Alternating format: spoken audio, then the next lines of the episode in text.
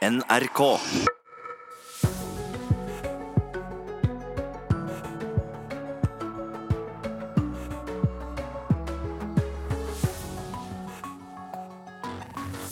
God morgen.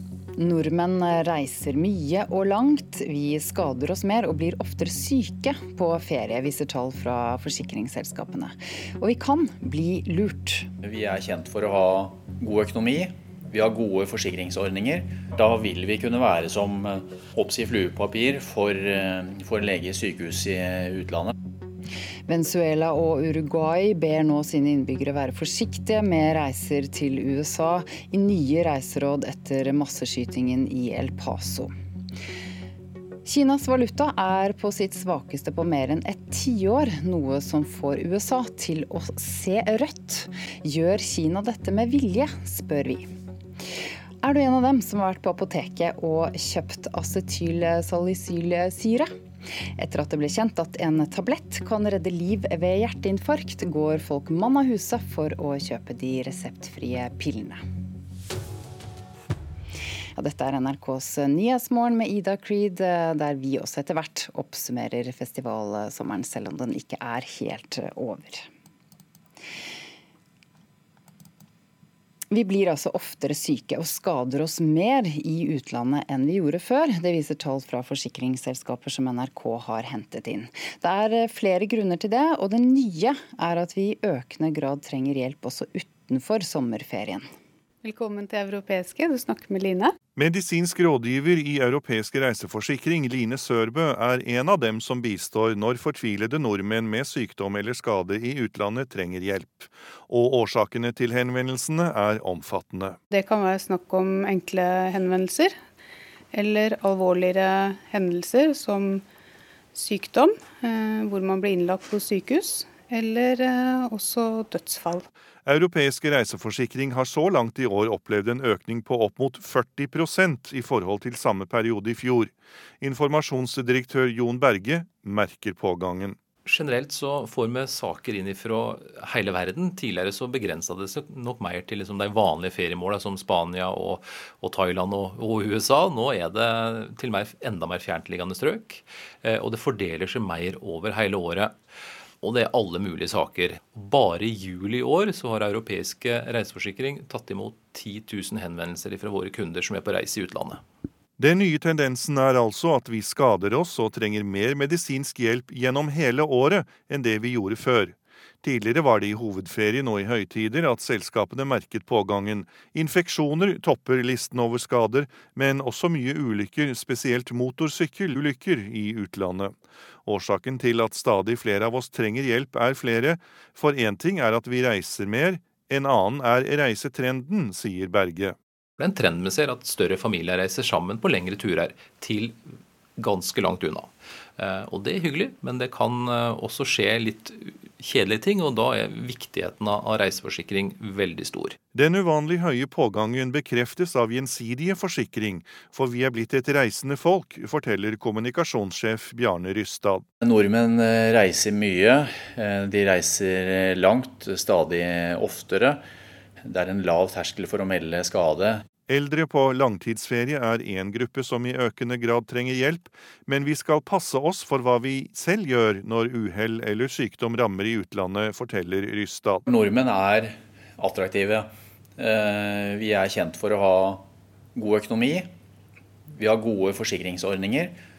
Og det er klart, da vil vi kunne være som oppsi fluepapir for, for leger lege i sykehus i utlandet når de får pasienter fra, fra Norge.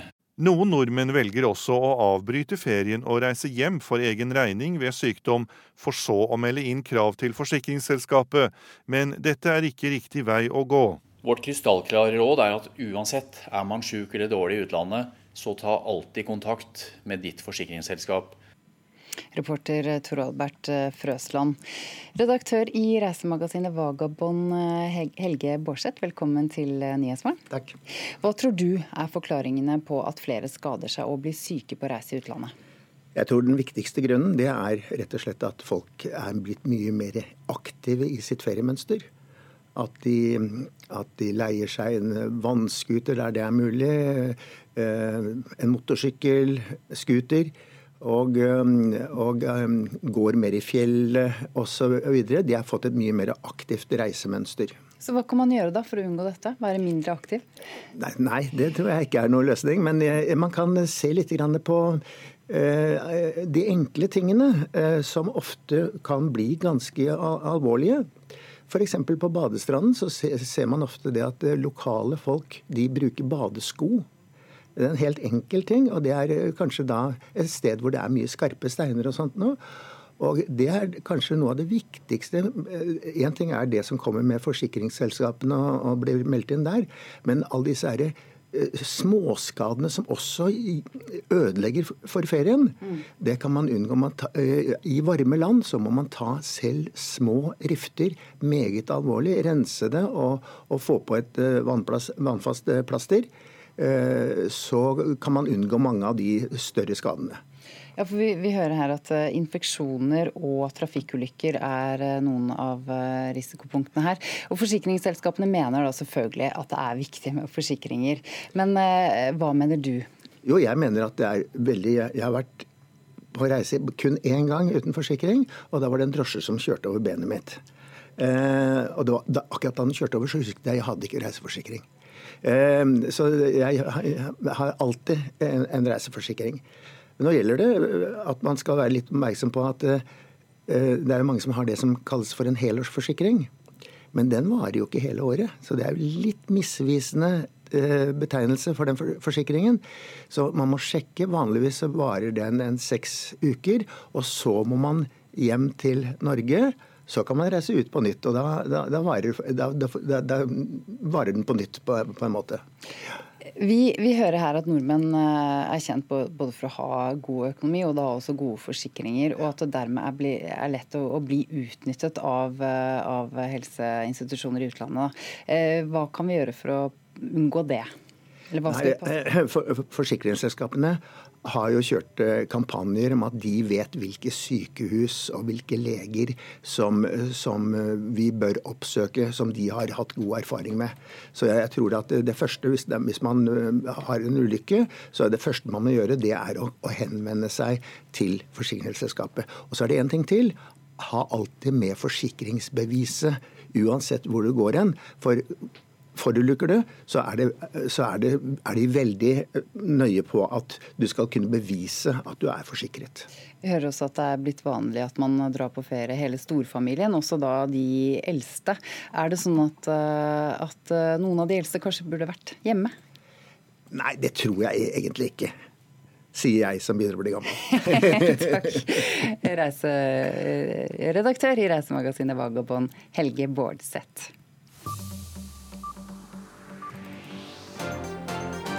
Dette har skjedd mens du sov. En FN-rapport syner at eh, Nord-Korea blir etterforska for 35 dataopptak. Det melder BBC. Åtakene skal ha gjort det mulig for landet å stjele to milliarder dollar de har nytta til å finansiere våpenprogrammet sitt. Og dessuten, diktator Kim Jong-un sier oppskyting av to raketter i går var en passende advaring mot eh, militærøvingene Sør-Korea og USA holder i området. Store deler av fasaden på det danske skattevesenets bygning på Østerbro i København er ødelagt av en mulig eksplosjon. Ingen personer er skadet, men mange vitner beskriver et stort smell, og bilder i sosiale medier viser knuste vindusruter og store skader på fasaden av bygningen. Politiet har evakuert stasjonsområdet og sperret av kvartalene rundt, og politiets bombegruppe er også sendt dit, altså til Østerbro i København. Her hjemme har mer enn 20 000 liter med flybensin rent ut i naturen ved Ahus i Lørenskog. Ifølge Romerikes Blad var det en boremaskin som bora hull på en drivstofftank ved helikopterbasen til luftambulansen. Og det blir jobba med å avgrense miljøskadene. Dette følger NRK Nyheter med på i dag. Statsminister Erna Solberg skal presentere den nye skolepolitikken til Høyre, og hovedsaken er hvordan vi kan hindre frafallet. Samtidig driver Arbeiderpartileder Jonas Gahr Støre valgkamp i Bergen og i Ålesund. Og Øyafestivalen fortsetter i Tøyenparken i Oslo. The Cure spiller i dag.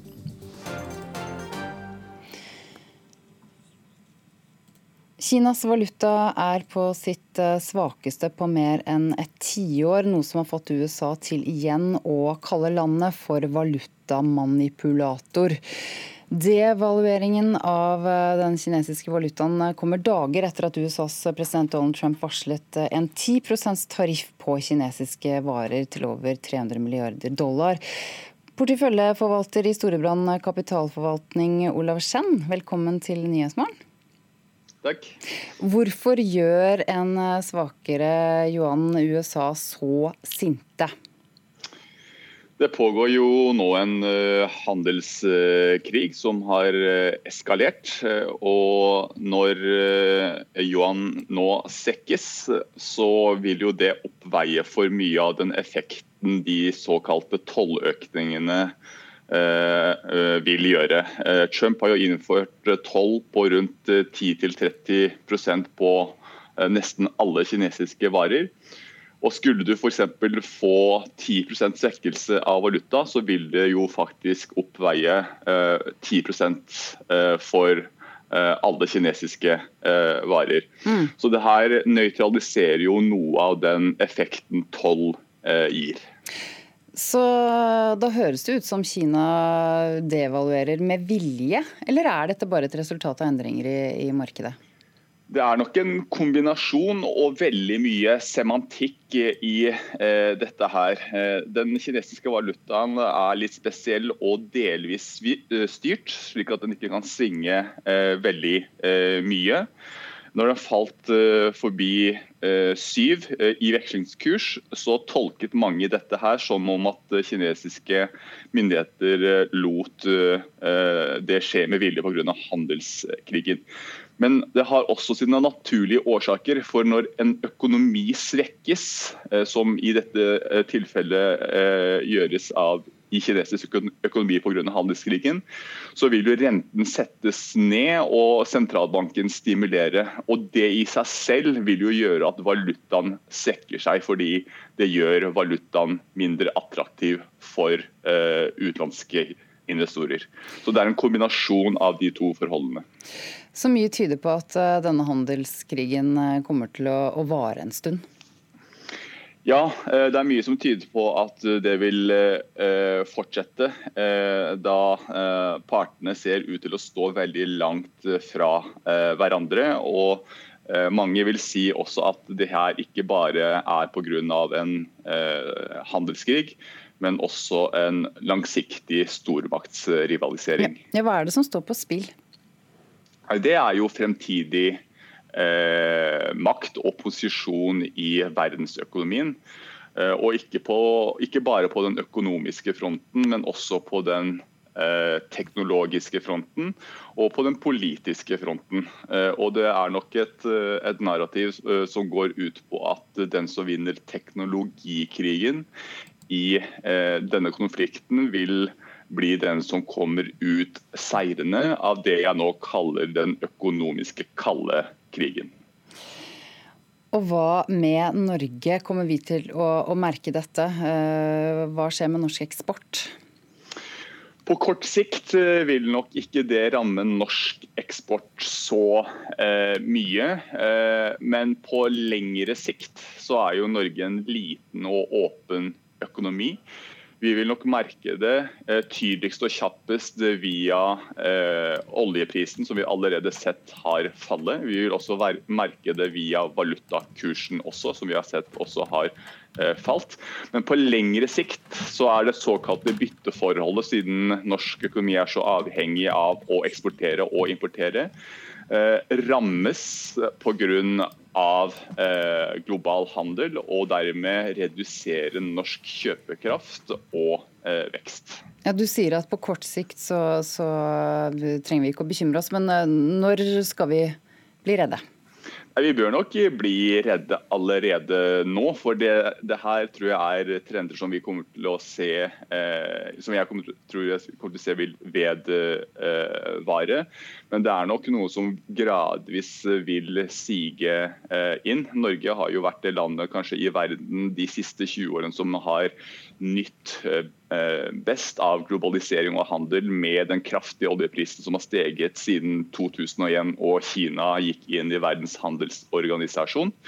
Så Hvis de trendene her snur, så vil nok eh, levestandarden og inntektsnivået eh, for eh, AS Norge falle, eller i hvert fall ikke stige så mye som den potensielt kunne ha gjort dersom global handel hadde fortsatt. Takk, Olav Skjenn i Storebrand kapitalforvaltning.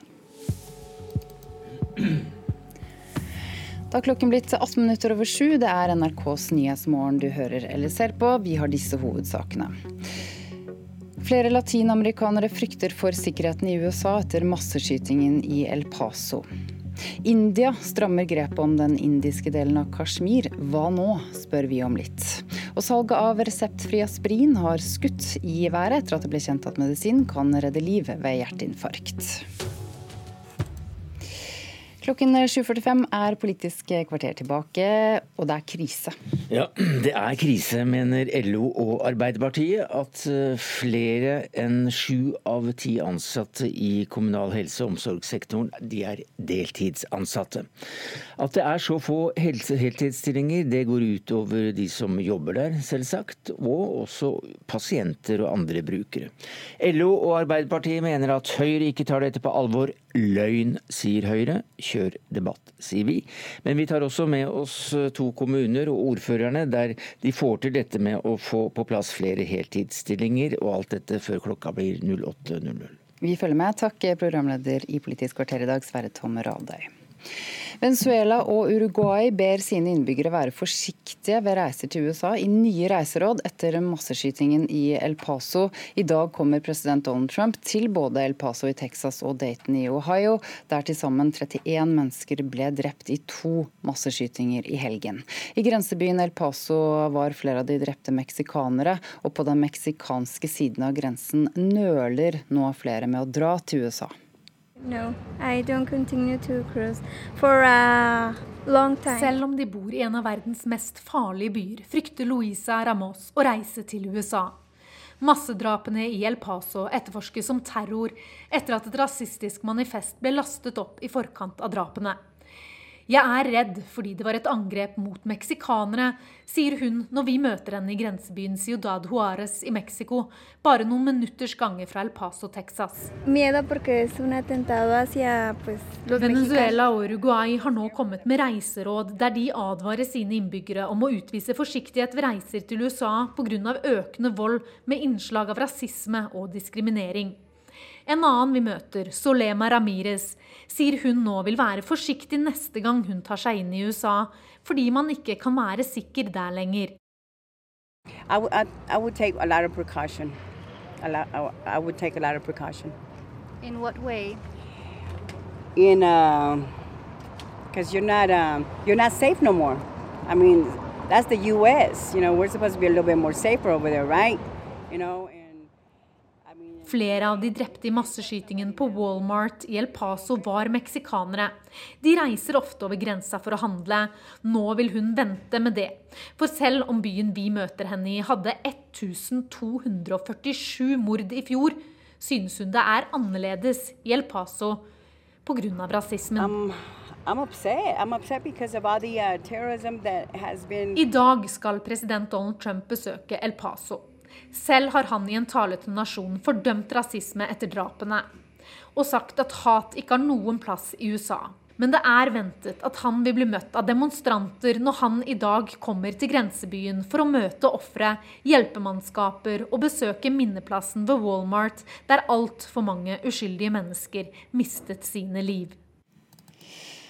USA-korrespondent Veronica Westrin der.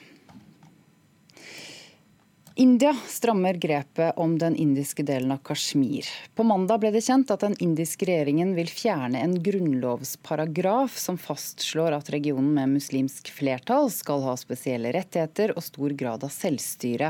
Denne endringen vil bl.a. gjøre at folk fra andre deler av India både kan søke på lokale stillinger og kjøpe eiendommer i regionen. Og Ifølge den britiske avisen The Guardian er dette den mest radikale endringen eh, noen regjering har foreslått for provinsen siden 1947.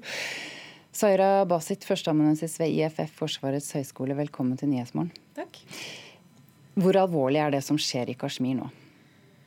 Det her er veldig alvorlig, og at det er radikalt, eh, det stemmer. Det her går mot uh, alle tidligere avtaler som har blitt gjort uh, i forhold til Kashmir, FN-resolusjoner.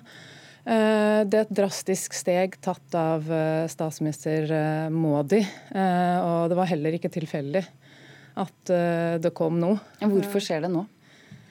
Jeg mener at det skjer noe av flere årsaker. Én ting er jo at Kashmir har hatt noe som jeg vil kalle en lavskala borgerkrig i nesten tre tiår. Det er en uh, usedvanlig dårlig sikkerhetssituasjon i delstaten. Og så ikke bare det. altså Modi lovte jo en hardere hånd mot Pakistan under uh, valgkampen. og Dette er også håndheving av valgløftene. I tillegg til det så er jo Pakistan involvert i fredsforhandlinger med Afghanistan. Og der hadde jo Taliban automatisk fått mye mer makt. Og Pakistan og Imran Khan eh, har eh, strekt en hånd til Trump og spurt om han kan mekle eh, i Kashmir-konflikten mellom India og Pakistan. Og det her har blitt eh, mottatt eh, på en veldig dårlig måte av India, fordi India hadde kommet til å komme veldig dårlig ut av det. Og sånn sett så er det nok ikke tilfeldig at det skjer noe. Hvordan vil du karakterisere det Modi gjør her? Det Modi gjør, er at uh, den politiske dialogen mellom lokalstyret i Kashmir og sentralregjeringa uh, har vært usedvanlig dårlig også. Uh, nå har han jo fjerna den politiske dialogen, og det er veldig spesielt. Det, jeg tenker at Hindunasjonalistene har jo hatt det her som et ønske i flere tiår. Og det er ikke akkurat et demokratisk trekk. Og ved å gjøre det, når det de ønsker, det er å dele opp eh, regionen i to deler. Der eh, Jammu og Kashmir blir én del, og så blir Ladakh en separat del, som er sentralstyrt. Ladakh er veldig spesielt i forhold til at Kina også gjør krav på visse områder der. Eh, og Innenriksminister i India, Amit Shah, har uttalt at når han sier Jammu og Kashmir, så mener han også kinesisk og pakistansk kontrollerte Kashmir. Så det er veldig mye som er ustabilt her. og jeg vil tro at det vil skape mer ustabilitet. Og dette, og dette handler om atommakter. Eh, Pakistans regjering har fordømt eh, denne indiske grunnlovsendringen. Så hva, hva, tror du skjer nå? Jeg tror at eh, Pakistan eh, kommer til å gjøre alt de kan for at her, eh, man skal få internasjonal støtte for å få stoppa det her. Man diskuterer jo rettmessigheten av opphevelsen av den paragrafen her i den indiske konstitusjonen. Men vedtaket er gjort. Og til og med halvparten, over halvparten av opposisjonen i India støtter det her. De fleste hinduer og hindunasjonalister støtter det her. Det er veldig problematisk for eh, indiske muslimer, vil jeg tro. Mm. Eh, men så er det altså ikke sikkert at dette er lov, rett og slett. Hvor sikre er vi på at denne beslutningen kommer til å tre i kraft? Den har tredd i kraft i India. Eh, så må man bare se hvor veien går ennå, om det blir en større internasjonal debatt rundt den juridiske biten av det. Eh, det må man gjøre, men det er veldig komplisert eh, regelverk det er snakk om her. fordi det handler om Kashmir var et fyrstedømme, et halvselvstendig fyrstedømme, da Pakistan og India ble delt opp og frigjort fra britene. 1947. I 1947. Mm. Men nå, nå trenger eh, området mer internasjonal oppmerksomhet, er det svaret? Det er absolutt svaret. Og man skal ikke forvente atomkrig, men heller ikke tenke på situasjonen som noe ubetydelig. Tusen takk for at du kom, Saira Basit, førsteamanuensis ved IFF Forsvarets høgskole. Folk går mann av huset for å kjøpe seg reseptfri aspirin. De blodfortynnende tablettene kan være livreddende om du opplever et hjerteinfarkt. Men hjertespesialist Wasim Sahid er bekymret for at folk har unødvendig redsel for hjerteinfarkt. Fagdirektør Hege Willoch i Norsk Medisinaldepot sier at salget av Esprin nå skyter i været. Vi hadde en kraftig økning i salget, og bare i løpet av gårsdagen solgte vi tre ganger så mye som vi gjør på en vanlig hel måned. Det forteller fagdirektør i Norsk Medisinaldepot, Hege Willoch. Også i Apotek 1 har salget av aspirin mangedoblet seg, etter at NRK fortalte om de smertestillende tablettene med acetylsalicylsyre som kan redde liv ved et hjerteinfarkt. Så jeg håper inderlig ikke at helt vanlige folk har gått og hamstret dette her. Folk som er unge og friske, som ikke har noen sykdom eller ikke har noen risiko for å få hjerteinfarkt. For det mener jeg blir eh, litt eh, unødvendig helseangst ut av det. Det sier overlege og hjertespesialist på sykehuset i Drammen, Wasim Saeed. Risikoen for å få hjerteinfarkt den er størst hos den eldre delen av befolkningen. Den øker spesielt etter at du har fulgt 65 år. Så for de aller fleste av eh, oss voksne mennesker så er det ikke spesielt høy risiko for å få et hjerteinfarkt. og Det betyr at vi kommer til å gå rundt med en sånn pille i lomma og aldri egentlig få bruk for den. Vi har jo eh, over 15 000 hjerteinfarkt i Norge hvert år. Det er en ganske stor gruppe pasienter som får hjerteinfarkt i Norge hvert år. Det er klart at Hvis du da er på hytta, f.eks. langt fra folk, får sterke brystsmerter, så, så, kan dette være en uh, livreddende behandling. Det fastholder medisinsk fagdirektør i Legemiddelverket, Steinar Madsen. Men han understreker at man bør ta opp med fastlegen sin om man er i faresonen for et hjerteinfarkt, og dermed bør ha disse tablettene liggende på lur. Men når så mange da eh, har kjøpt disse tablettene allerede, så tyder det vel på at det er en del som ikke har konferert fastlegen sin først? men som allikevel har tenkt at dette er en ja, ja. tablett de må ha?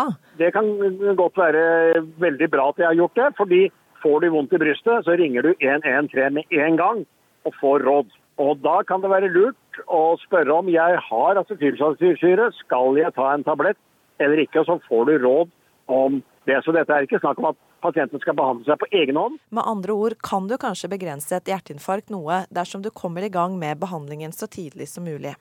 Likevel er ikke Saeed overbevist om betydningen av å ha blodfortynnende tabletter i beredskap. Det, det er liksom ikke noen mirakelkur heller, altså å ta den der blodfortynnende tabletten. fordi som sagt, den aller viktigste behandlingen på hjerteinfarktet, det er å gå inn i hjertet og stake opp den tette åra. Og det skjer jo uansett når du først kommer frem på sykehuset. Reporter i saken var eh, Anne Mone Nordahl. Dette er NRKs Nyhetsmorgen. Nå er Vidar Eidhammer klar med Dagsnytts hovedsending.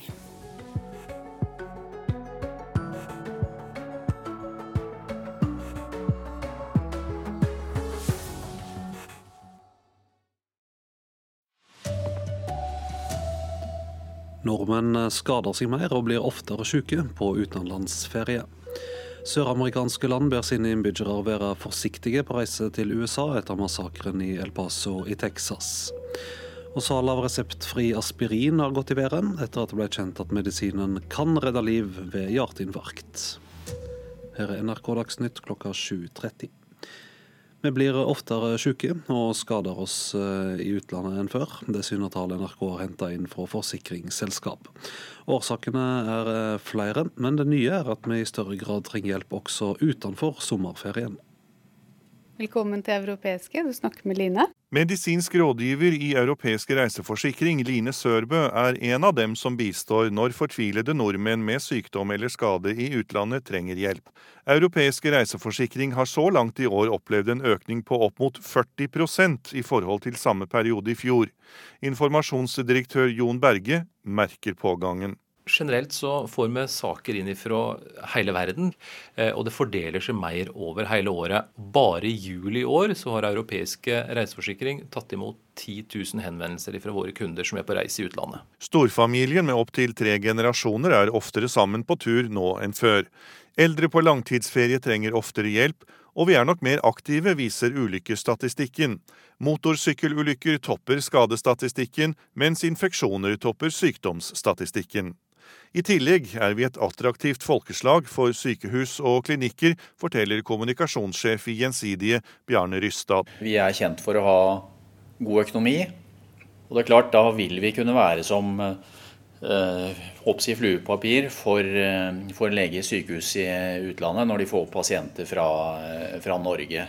Noen nordmenn velger også å avbryte ferien og reise hjem for egen regning ved sykdom, men dette er ikke riktig vei å gå. Vårt krystallklare råd er at uansett er man syk eller dårlig i utlandet, så ta alltid kontakt med ditt forsikringsselskap. Reporter Tor Albert Frøsland. Nord-Korea skal ha stjålet to milliarder dollar, altså kring 18 milliarder kroner gjennom dataåtak. Det syner en FN-rapport som flere medium refererer til. Pengene skal ha gått til å finansiere våpenprogrammet i Nord-Korea. Og Utenriksreporter Gry Blekastad Almås, hvordan skal dette, disse dataåtakene ha skjedd? Nord-Korea har jo da brukt internett for å angripe finansinstitusjoner og kryptovalutabørser, eh, hvor kanskje bitcoin er det mest kjente eh, kryptovalutatypen. Eh, og ifølge BBC så etterforsker FN 35 slike angrep nå. Eh, og angrepene skal ha blitt stadig mer sofistikerte. Det undersøkes også om Nord-Korea selv eh, driver såkalt mining av kryptovaluta for å få tak i utenlandske valuta.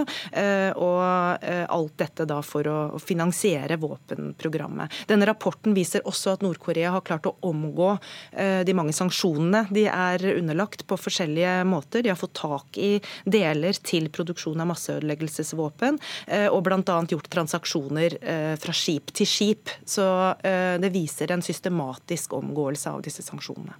Hva reaksjoner har kommet på den FN-rapporten?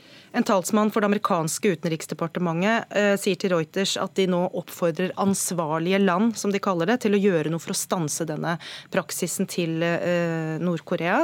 Um, nå har jo Nord-Korea eh, senest i går skutt opp to raketter som en slags advarsel til Sør-Korea og USA mot den militære øvelsen som de driver i, i regionen nå. Eh, og så har denne rapporten pekt på at de siste seks månedene så har eh, Nord-Korea styrket atomprogrammet sitt eh, også. Så det diplomatiet man har sett mellom USA og Nord-Korea kan eh, virke skjørt. Eh, Russland og Kina mener det er for tidlig å foreta seg noe spesifikt spesifikt å innføre noen straffetiltak. De ønsker flere beviser. Gry Blekastad Almås. Venezuela og Uruguay ber sine innbyggere være forsiktige ved reiser til USA i nye reiseråd etter masseskytinga i El Paso. I dag kommer president Donald Trump til både El Paso i Texas og til Dayton i Ohio, der til sammen 31 personer ble drept i to masseskytinger i helga. I grensebyen El Paso var flere av de drepne meksikanere, og på den meksikanske sida av grensa nøler nå flere med å dra til USA. Selv om de bor i en av verdens mest farlige byer, frykter Louisa Ramos å reise til USA. Massedrapene i El Paso etterforskes som terror etter at et rasistisk manifest ble lastet opp i forkant av drapene. Jeg er redd fordi det var et angrep mot meksikanere, sier hun når vi møter henne i grensebyen Ciudad Juárez i Mexico, bare noen minutters gange fra El Paso, Texas.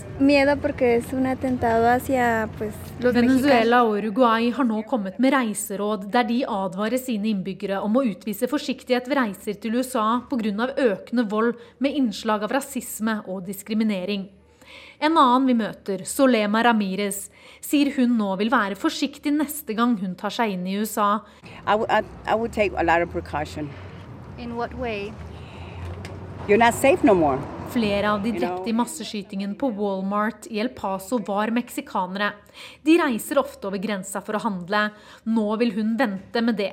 For selv om byen vi møter henne i hadde 1247 mord i fjor, synes hun det er annerledes i El Paso pga. rasismen. Um, I'm upset. I'm upset uh, I dag skal president Donald Trump besøke El Paso. Selv har han i en tale til nasjonen fordømt rasisme etter drapene, og sagt at hat ikke har noen plass i USA. Men det er ventet at han vil bli møtt av demonstranter når han i dag kommer til grensebyen for å møte ofre, hjelpemannskaper og besøke minneplassen ved Walmart, der altfor mange uskyldige mennesker mistet sine liv. Og Saka var ved USA-korrespondent Veronica Westrin. Eksplosjonen i København i går kveld skjedde inne i skatteetaten sitt bygg på Østerbro. Det opplyser dansk politi i dag. Ingen ble skadd i eksplosjonen, men bygget har fått store skader. Politiet undersøker fremdeles hva som var årsaka til eksplosjonen. Høyre og Arbeiderpartiet krangler om hvem som har den beste skolepolitikken for de små, før kommunevalget neste måned. De er samlet om at det er viktig at barn skal lære å lese, skrive og regne tidlig, men de er svært usamde om hvem som er best egnet til å få det til.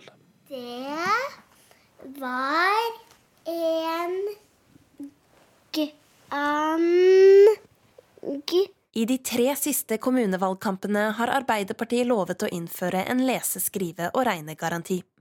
Det vil si at elever som ikke har tilfredsstillende nivå på lese-, skrive- og regneferdighetene etter andre klasse, skal få enda tettere oppfølging.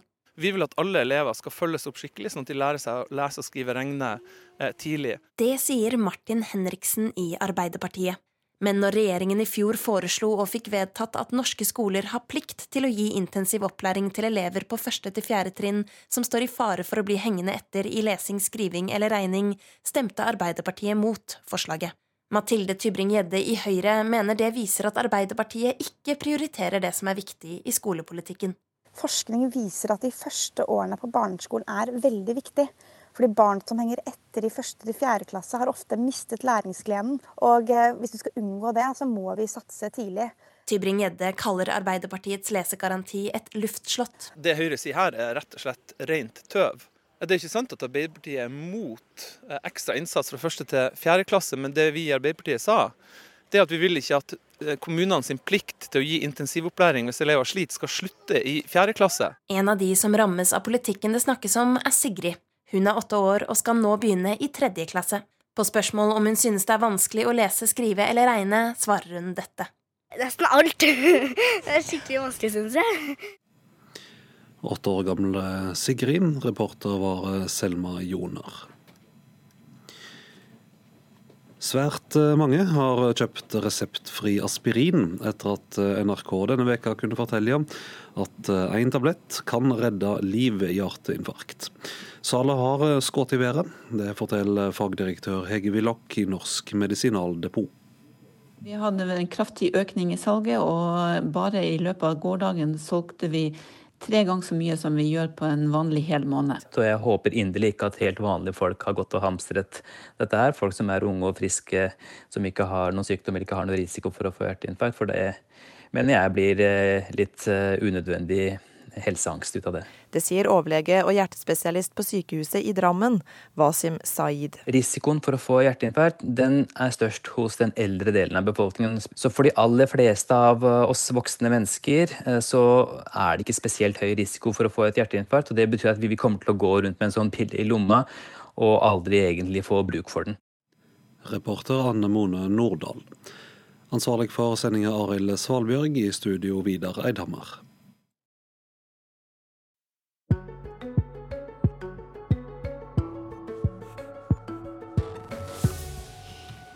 Dette er Nyhetsmorgen. Vi skal høre at foreldre til multihandikappede barn ved Breidablikk ungdomsskole i Sandefjord ikke aner hva som venter dem første skoledag. At et nytt bygg må på plass før skolestart har lenge vært kjent. Men byggingen har ennå ikke begynt. Jeg gledet meg jo til å se dette her, egentlig. Så når vi kom hjem fra ferie, så fant vi ut at vi får kjøre ned hjem og se hvor fint det har blitt. Da oppdaga vi jo at de har ikke satt spaden i bakken engang. Da kjente vi litt på fortvilelsen og hva skjer nå?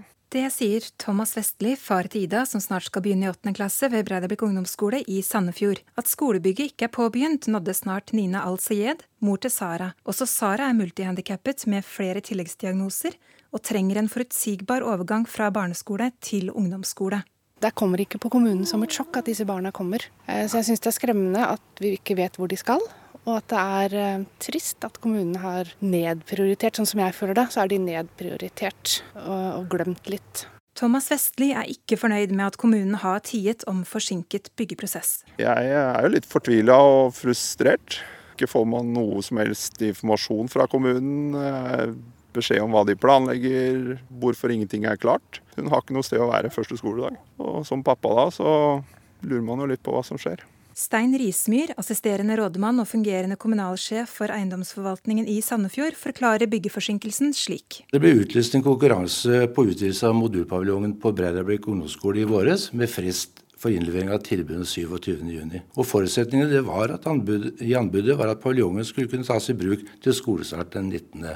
August. Underveis i anbudsprosessen har vi fått en innsynsbegjæring fra et firma, og det gjør at prosessen tar lengre tid enn forutsatt. Nina Al-Sayed ser at det vil bli vanskelig for datteren først å gå gjennom en overgangsfase til foreløpig ukjent sted, og så til et nytt bygg på ungdomsskolen. Hun har behov for at det er trygt, hun har behov for at det er kjente stemmer rundt, fordi Sara uh, bruker ikke synet sitt. Det må være rolig ikke høye lyder fordi det trigger epilepsien og gir henne mer spasmer. Rett og slett forutsigbarhet er kjempeviktig.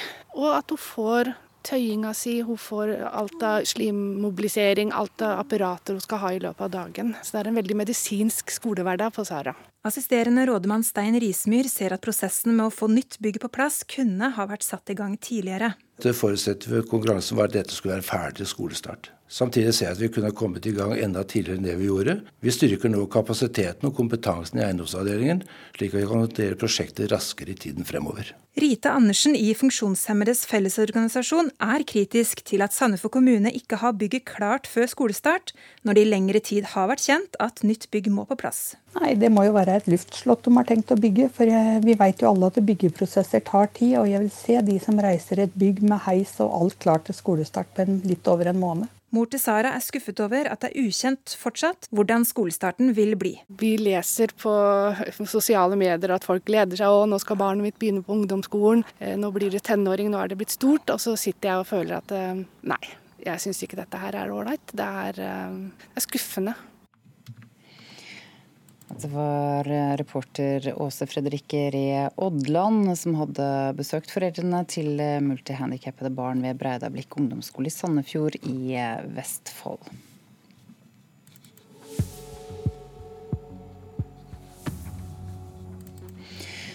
Sverre Tom Radøy er klar med Politisk kvarter, som starter om ett minutt. Minner om de viktigste overskriftene. Nordmenn skader seg mer og blir oftere syke på utenlandsferie. Vi hadde redaktøren i Vagabond her for eh, en uh, halvtime siden. Han sier at uh, han tror grunnen er at folk er mer aktive på ferie nå. Søramerikanske land ber sine innbyggere være forsiktige på reise til USA etter massakren i El Paso i Texas. 20 000 liter flybensin har rent ut av eh, en drivstofftank i Lørenskog. En boringsmaskin boret hull i tanken ved helikopterbasen til luftambulansen, skriver eh, Romerikes Blad. Det blir jobbet med å avgrense skadene, bl.a. har brannvesenet lagt ut lenser. Og salget av reseptfri aspirin har gått i været etter at det ble kjent at medisinen kan redde liv ved hjerteinfarkt.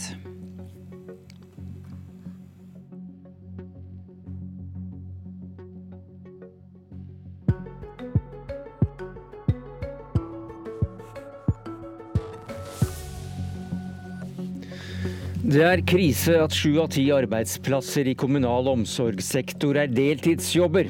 Og Høyre tar det ikke på alvor, mener LO og Arbeiderpartiet. Løgn, svarer Høyre. Ja, Over sju av ti stillinger i helse- og omsorgssektoren i kommunene er altså deltidsjobber.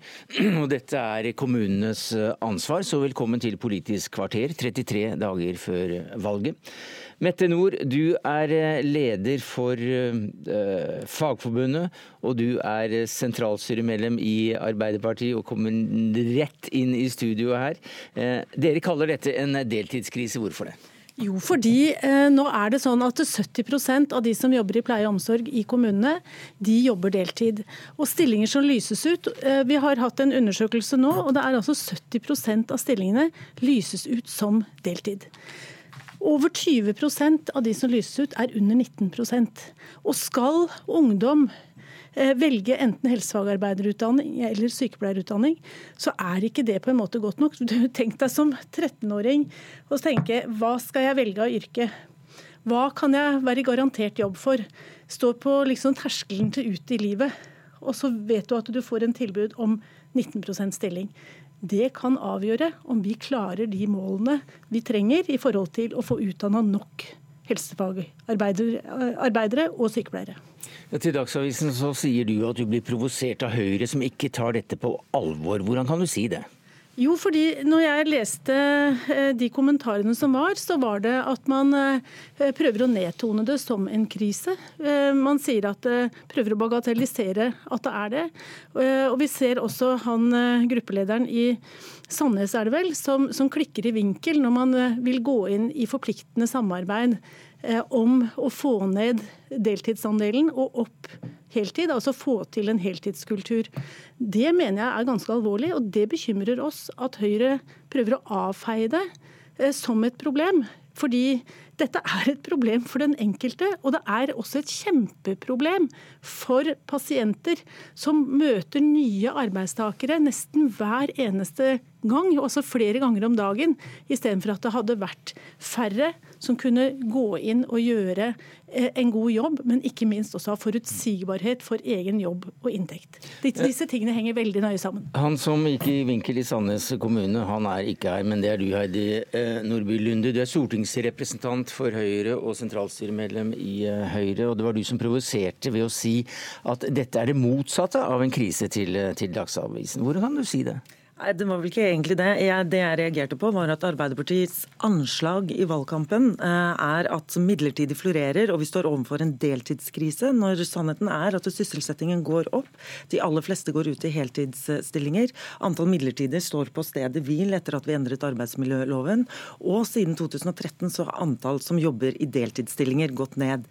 Men det at vi avviser en krisemaksimering, betyr ikke at vi eh, ikke anerkjenner problemet. For jeg er helt enig i at ufrivillig deltid deltid er et problem, ikke bare for samfunnet som da ikke bruker de, eller får brukt de ressursene som vi trenger der ute, særlig i helse og omsorg, hvor dette er det største utfordringen. Men ikke minst også for den enkelte, som da får problemer med økonomien, planlegger familieliv. Og Høyre er for at et godt arbeidsliv skal kunne kombineres med et godt familieliv. Så vi er enig i at det fortsatt er et problem, men ikke den krisemaksimeringen som LO og Arbeiderpartiet la opp til. Det er ikke noen krisemaksimering når nyutdanna Vi har altså medlemmer som har jobba i ti år i kommunehelsetjenesten eh, og står på stedet hvil med 19% Får gjerne tilbud om flere jobber, men de går ikke an å kombinere. Og det blir altså en jakting etter vakter istedenfor at man kan delta i et arbeidsfellesskap. God planlegging, god aktivitet knytta opp mot pasienter, sånn at du også utvikler deg som fagperson, og i tillegg det. Og jeg synes det er, eh, Selv om du trekker fram at eh, sysselsettingen går opp og deltidsandelen går ned, ja, det er på nasjonalt nivå i alle bransjer, men i pleie og omsorg så er det bare en så vidt marginal økning. Og det at det er politisk vilje i partier nå til å virkelig sette trøkket inn for å sikre at vi nå kan få en framtidig sektor med god rekruttering, gode eh, arbeidsforhold og ikke minst god kvalitet på pleien. Ja, Er ikke Høyre med på det? De sier det, men når de da allikevel prøver å tone ned at dette er et så stort problem at man må faktisk gjøre noen ekstra grep, sette politisk trøkk, følge opp de politiske vedtakene, da må jeg si at jeg er bekymra. Som sagt, det er krisemaksimeringen vi reagerer på. Eh, problembeskrivelsen og ufrivillig deltid er vi helt enige er et problem. Og Det er også en av grunnene til at eh, Bent Høie som helseminister sa at i helseforetakene skal antall deltid ned. Det har også gått ned. Det er en av grunnene til at eh, arbeidsminister Anniken Hauglie bl.a. overprøvde Høyesterett to ganger og til slutt endret loven for å sørge for at de i deltid fikk retten til heltidsstilling når disse blir utløst. Så her er det betydelig politisk vilje, og det ser vi også på tallene. Og så har Mette Nord helt rett i eh, at én ting er å se på tallene ovenfra og si at det er en bedring, men det hjelper jo ikke for den enkelte. Og vi ser at særlig i kommunesektoren så er det store utfordringer. Det kan være at det er enkelt sykehjem, eller at det er veldig små kommuner med få fagpersonell som gjør at stillingsprosenter ikke går opp når de skal inn i turnuser og skal fylle eh, nattevakter og helgevakter. Mm. Du kaller det utfordringer. La oss kalle det, det, problemer for den enkelte eventuelt. Og hva slags virkemidler er det Høyre har for oss å sette inn hvis dette er en uønsket situasjon? Vel, Det er jo flere ting som, eh, som både Høyre og staten kan gjøre, og som, som, kommunene kan gjøre. Som sagt så har vi allerede gått inn og så endret loven for å gi rett til de som er i deltid, til heltidsstillinger når disse uh, lyses ut. På kommunal sektor så ser vi at uh, dersom du skal kjøpe inn tjenester, så kan du legge inn i kontrakter en norm om heltidsstillinger eller krav om dette. Vi ser også at det gjøres veldig mye godt arbeid i enkelte kommuner, og også ut på institusjonene. Og så har jeg lyst til å skryte litt av de som, som jobber i kommunene. Og ja, de skal vi skryte etterpå. Jo, da, vi, skal ha, altså, vi, skal ha, vi skal ha en to ordfører etter hvert, sånn at jeg må nesten få Mette Nord jo, til altså, å spørre. Dette her er jo gode virkemidler, da. Veldig gode virkemidler, bortsett fra at eh, man prøver på en måte å si at man må endre lovverket. Eh, og det, det, må man, altså Dette med retten til heltid, men da må man slutte å ta med hvis det lar seg praktisk gjennomføre. Fordi det er alltid vært et vedheng til eh, disse lovene at det har på en måte eh, ligget en sånn der anke eller et, en heftelse ved. Og så er det noe med fordi Det å sikre et lovverk Ja, vi har en del fleksibilitet i dette lovverket som gjør at det er mulig. Det å måtte endre til at vi får såkalte monstervakter og langvakter og en arbeidssituasjon for denne sektoren, som på en måte blir helt atypisk i forhold til alle andre bransjer som også jobber med turnus. Det mener vi faktisk. Hvorfor skal kvinner, eh, for det er hovedsakelig kvinner dette rammer, Eh, hvorfor skal de eh, måtte tilpasse seg et arbeidsliv som er helt annerledes enn eh, de fleste andre?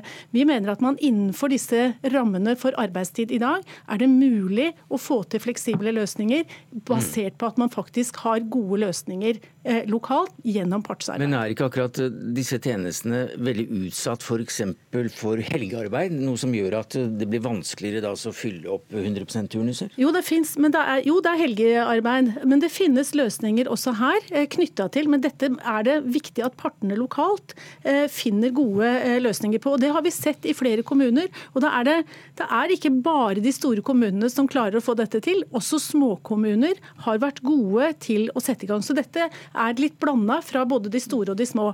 Men jeg er helt enig med Heidi Nordby Lunde at vi skal virkelig heie på de som har jobba systematisk og godt med dette arbeidet. Men det trengs fortsatt et trøkk. Altså. I, i Arendal, og det er deg, Robert Nordli. For eh, Arbeiderpartiet viste til, til, deg da vi spurte om det var en kommune vi burde kontakte. Og du eh, opplevde dette på kroppen selv da kona di søkte arbeid som nyutdannet var det hjelpearbeider. Hva var det hun ble tilbudt? Eh, hun ble eh, tilbudt en stilling på hele 4,92 Eh, og eh, vi jubla som eh, nybakte foreldre at vi fikk en fot innafor, men det er jo virkelig ikke noe å leve for. 4,92 ja. Er... Jeg, vil si, jeg, vil jo si, tusen takk til Fagforbundet og Metinor som setter dette på dagsorden. For vi opplever den hverdagen som Metinor beskriver også i forhold til de borgerlige partiene lokalt. For når det er snakk om å sette i gang tiltak, ja, så er det bare ord. Men hva er det dere gjør rent konkrete? Dere har altså fått opp eh, prosenten fra var det 25 til 33 heltidsstillinger i, i helse og omsorg? Ja, Vi starta for to år siden. Da var det dessverre bare 25 innenfor helse og omsorg som hadde 25% De nye tallene våre er at nå er vi oppe i 35,4 dette har vi klart pga. at det har vært politisk lokal vilje, men også pga. det partssamarbeidet vi har med organisasjonene, som vi har hatt et tett og et godt samarbeid med, så har vi fått dette til. Eh, vi går ned på hver enkelt avdeling på hver enkelt institusjon, snakke med de ansatte sammen med organisasjonene og finne gode løsninger på hvordan vi skal gjøre det. Og Så slår vi sammen hele, del, delstillinger til hele stillinger. Vi tilbyr også lærlinger som har hatt lærlingtid i kommunen vår, de skal selvfølgelig få fast stilling i Arendal kommune av de som blir ansatte ansatt i kommunen, sånn at de får en god start på arbeidslivet og noe å leve av. Mm. Ordfører i Drammen eh, kommune, Tore Oppdal Hansen. Da vi ringte Høyre og spurte om de hadde en kommune de ville dra fram, så var det nettopp eh, Drammen og under din ledelse. Hva er det dere gjør for å øke prosentandelen heltidsstillinger? Nå har jeg vært ordfører i 16 år, og i ti av dem så har vi satt søkelys på uønsket deltid.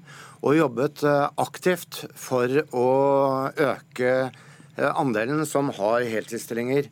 Så, men det bildet det er litt eh, komplisert. Jeg kan si at sånn som nå, i 2018 bare, så har vi greid å øke stillingskategorien eh, på de som har 80-100 eh, fra 51 til 56. Og vårt gjennomsnittlig stillingsstørrelse i dag har gått fra 71 til 74 på et år.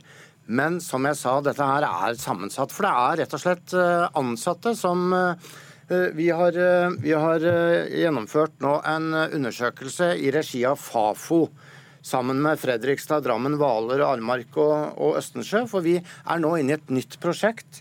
En ny vei mot heltidskultur, eh, heter det. Ja, Hva er det dere gjør da? Ja, altså for, Konkret. for det første så er, er det et faktum at ansatte ønsker å ha mer fri. Og de liker fleksibilitet ved å kunne ta ekstravakter.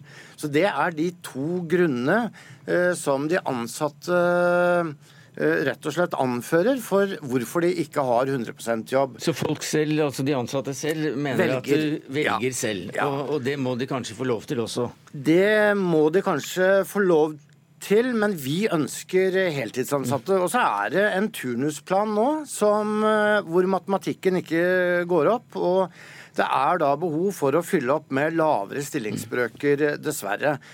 Men når det er sagt, vi går nå ut, og de eh, som vi skal ansette, eh, kommer vi til å ansette og søke etter i 100 stillinger. Det som er viktig nå, er at vi får en heltidskultur. Det er et problem. Uansett om det er frivillig eller ufrivillig deltid, så er deltid et problem. Men vi Fordi hører, det- fordi at både, både ja, Høyre-kommuner og Arbeiderparti-kommuner så er Ja, ja, det men en, det stopper heltidskultur. altså- heltidskultur. Det stopper de som ønsker heltid, fordi det er ikke heltidsstillinger å få. Når gjennomsnittlig stillingsprosent er gått fra 71 til 74, det betyr at det er ekstremt mange småstillinger eh, når det er ganske få heltidsstillinger. Eh, og vi klarer altså ikke å få rekruttert unge. Eh, så vi er nødt til å sikre at unge har muligheten til å kunne etablere seg. Vi må ha heltidsstillinger som lyses ut. Men vi hører at i Drammen så er det da mange som gjerne vil jobbe deltid, og hva med dem? Eh, Nordby Lunde? Eh, Jo, men Det vi først og fremst hører, er at både Arbeiderparti-styrte og Høyre-styrte kommuner har samme fokus på å få opp en heltidskultur og heltidsstillinger. og Det tror jeg er helt viktig. og Det, det er jo derfor vi sier at vi ikke ønsker krisemaksimeringen. Antallet som jobber deltid går ned, og vi ønsker å fortsette at eh, antallet som jobber deltid går ned. Og både ufrivillig, som er det største problemet, fordi det er dårlig bruk av menneskelige ressurser, og ikke minst dårlig for den det gjelder. Men også ønsker vi at antall frivillige i deltid skal gå opp.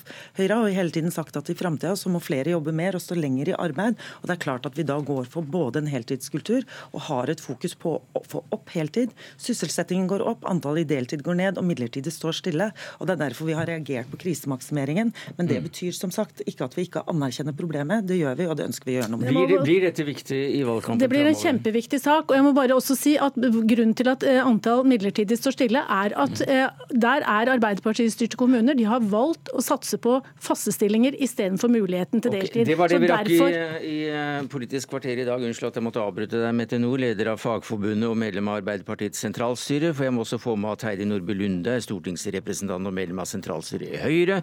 Og ordfører i Arbeiderpartiet i Arendal heter Robert Nordli, ordfører i Drammen heter Tor Oppdal Hansen. Jeg heter Sverre Tom Radøy. Eh, Nyhetsmorgen fortsetter etter Dagsnytt.